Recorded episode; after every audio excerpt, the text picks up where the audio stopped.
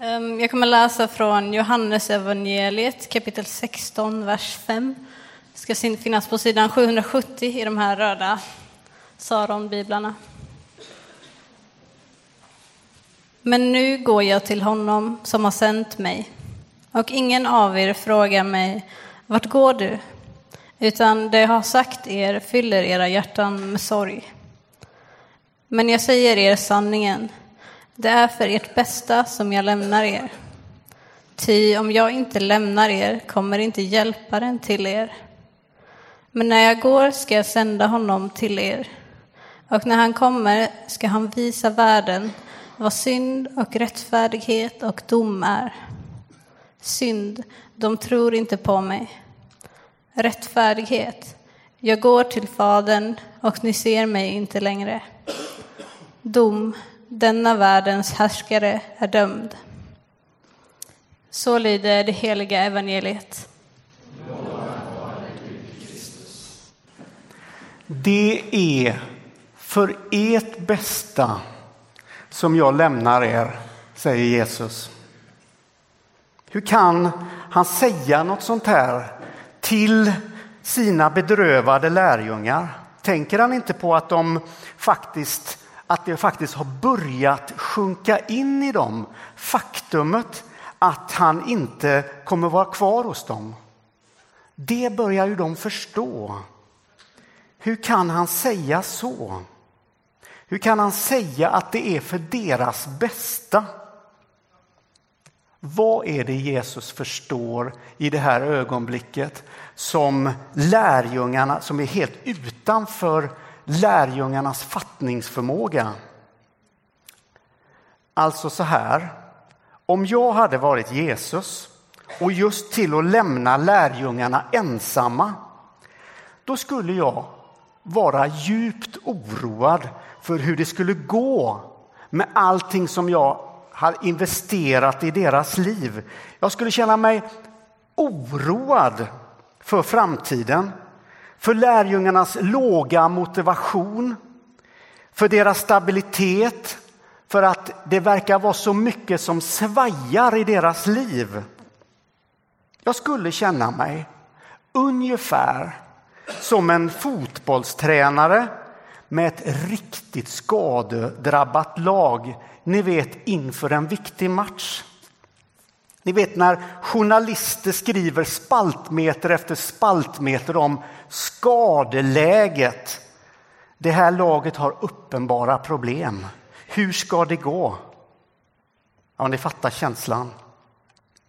Vad är det som gör Jesus så lugn trots att han så väl känner till brister och begränsningar hos lärjungarna och trots att han vet att deras tro faktiskt knappt ens håller ihop. Vi får svaret i vers 7. Det är för ert bästa som jag lämnar er. Ty om jag inte lämnar er så kommer inte hjälparen till er. Här talar Jesus om ett andligt stödpaket som ska komma. Och vi pratar inte om en nödlösning. Vi pratar inte om en halvdålig ersättning för Jesus. Det är för ert bästa, säger Jesus, att anden ska komma. Så Jesus är inte oroad över hur det ska gå för lärjungarna eller hur det ska gå för dig och mig. Han har full tilltro till det här andliga stödpaketet som hjälparen, den helige ande är. Det är därför han är så lugn trots att han har med brustna människor att göra. För visst är det förundligt att han väljer att arbeta med, med oss människor med de förutsättningarna vi har. Temat för den här söndagen är att växa i tro. Och det handlar om att successivt, att tron successivt får ett ökat utrymme i våra liv. Och att tron påverkar vårt sätt att leva, tänka och handla. Alltså att det på något sätt färgar oss genom hela vår personlighet. Vet du vilket som är den enskilt viktigaste valet en människa någonsin kan göra? Det är att välja att ge sin tro en möjlighet att växa. För i den viljeinriktningen så börjar allt. Så vill du att ditt lilla frö ska växa så handlar det i någon mening om att göra sig tillgänglig för Gud. Och Jesus, han vet att det är först när den helige ande får tillträde till lärjungarna på insidan som trons växtprocess tar fart. Och vi förstår av texten att hjälparen har ett ärende till den här världen. Det hörde vi i texten. Hjälparens uppgift är att genom sin kyrka tillsammans med vanliga människor som du och jag kommunicera det som ligger på Guds hjärta. Han behöver inte perfekta människor för att det ska bli möjligt. Det han behöver det är människor som kommer med sitt lilla trosfrö och ber Gud att vattna det. För du kan inte vara kristen på egen hand. Du kan vattna hur mycket som helst med din egen vattenkanna. För din andliga planta kommer ändå inte växa.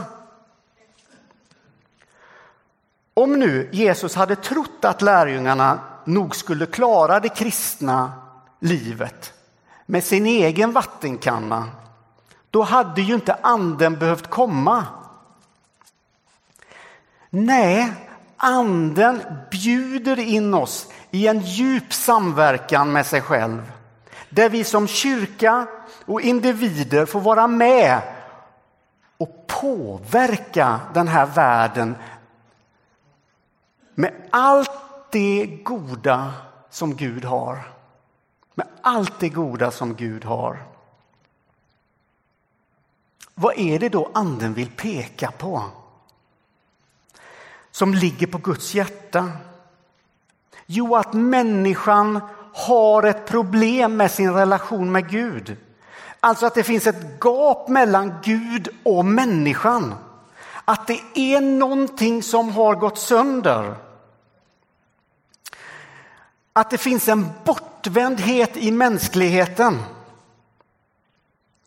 Ibland säger vi att synd är att missa målet, att komma ur kurs. Eller som Ingmar Fager sa en gång, att missa Jesus, det är livets stora förlust.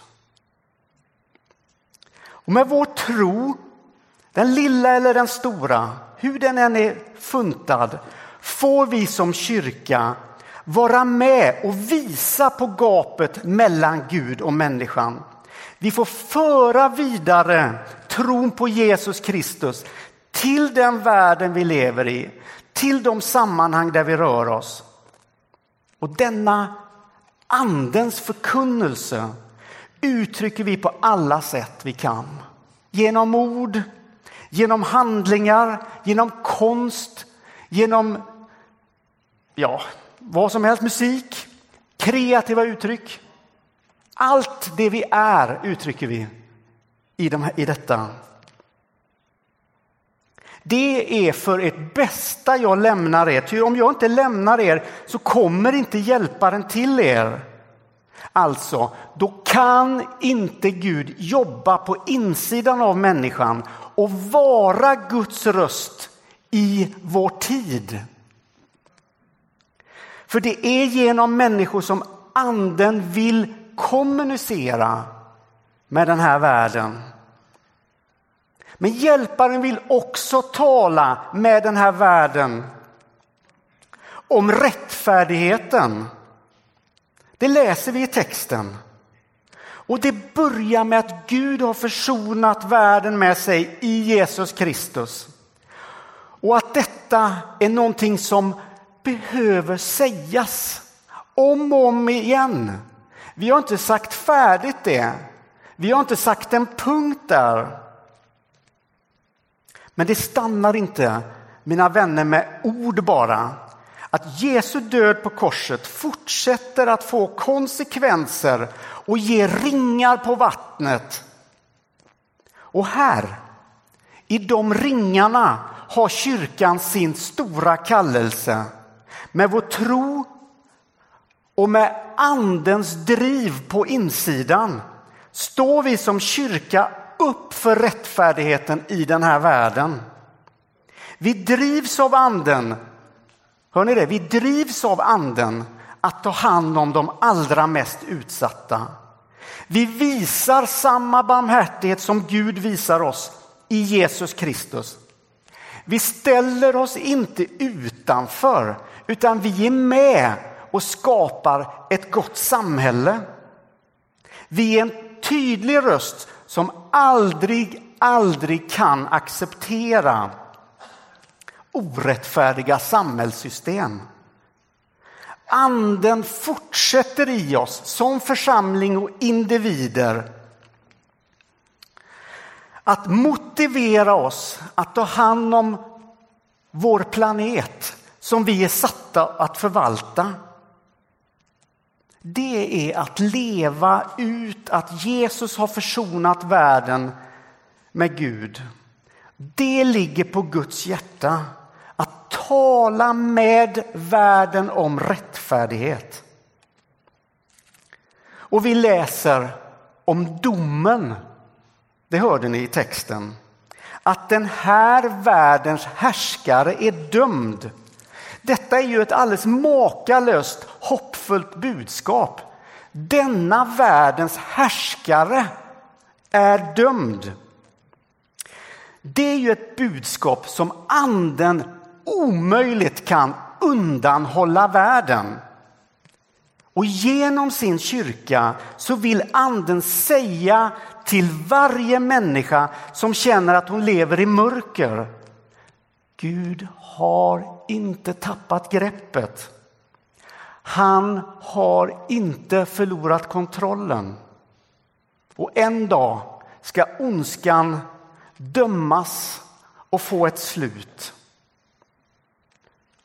Lyssna noga nu. Och kyrkan vet någonting som inte får förbli en hemlighet. Och det är att maktbalansen mellan gott och ont är för alltid förändrad. Redan här och nu ser vi det goda växa till. Det är som att du skulle gå ut nu, gå ner på Linnégatan, titta på träden, gå ner till Järntorget och kolla på de blommiga, vad är det för träd? Körsbärsträd, titta på dem. Det är vad som händer. Det är det som händer i andens värld. Grönskan är på väg. Det kan vi väl inte undanhålla och sitta och hålla på. Så se dagens förkunnelse som en positiv utmaning och inbjudan att stiga in i någonting som är större än dig själv. Att stiga in i Guds plan med den här världen. Och så fort du ber bönen Gud, jag vill inte längre leva i min egen bubbla. Då kommer trons frö att slå rot i ditt liv och börja växa. Och tron blir, då händer någonting här, för då blir tron direkt en opponent mot din individualism. Som länge nog sett det som sin rätt rättighet att bygga en tillvaro inne i den bubblan. Så när tron börjar växa i ditt liv så kommer du märka att bubblan spricker inifrån. Och du förändras i hur du tänker. Hela ditt mindset förändras. Du börjar se på den här världen som Jesus ser på den här världen. Du börjar se problem som Jesus ser på problemen. Du börjar se på orättvisa och synd som Jesus ser på orättvisa och synd. Du får så att säga Guds örnblick på den här världen. Och det som ligger på Guds hjärta, det förflyttar sig ner och lägger sig på ditt hjärta. Det är för det bästa, det är för ert bästa att jag lämnar er, säger Jesus. Ty om jag inte lämnar er kommer inte hjälparen till er. Och han känner dig. Han vet vem du är. Och han vet vad du klarar av. Och han känner väl till din historia.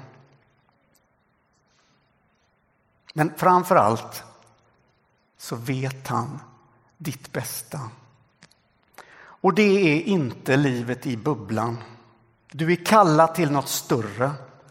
Så låt Gud vattna trons frö. Så, så får du tillsammans med kyrkan vara med och ge det som ligger på Guds hjärta vidare. Där du är och där du står och här i världen. Amen.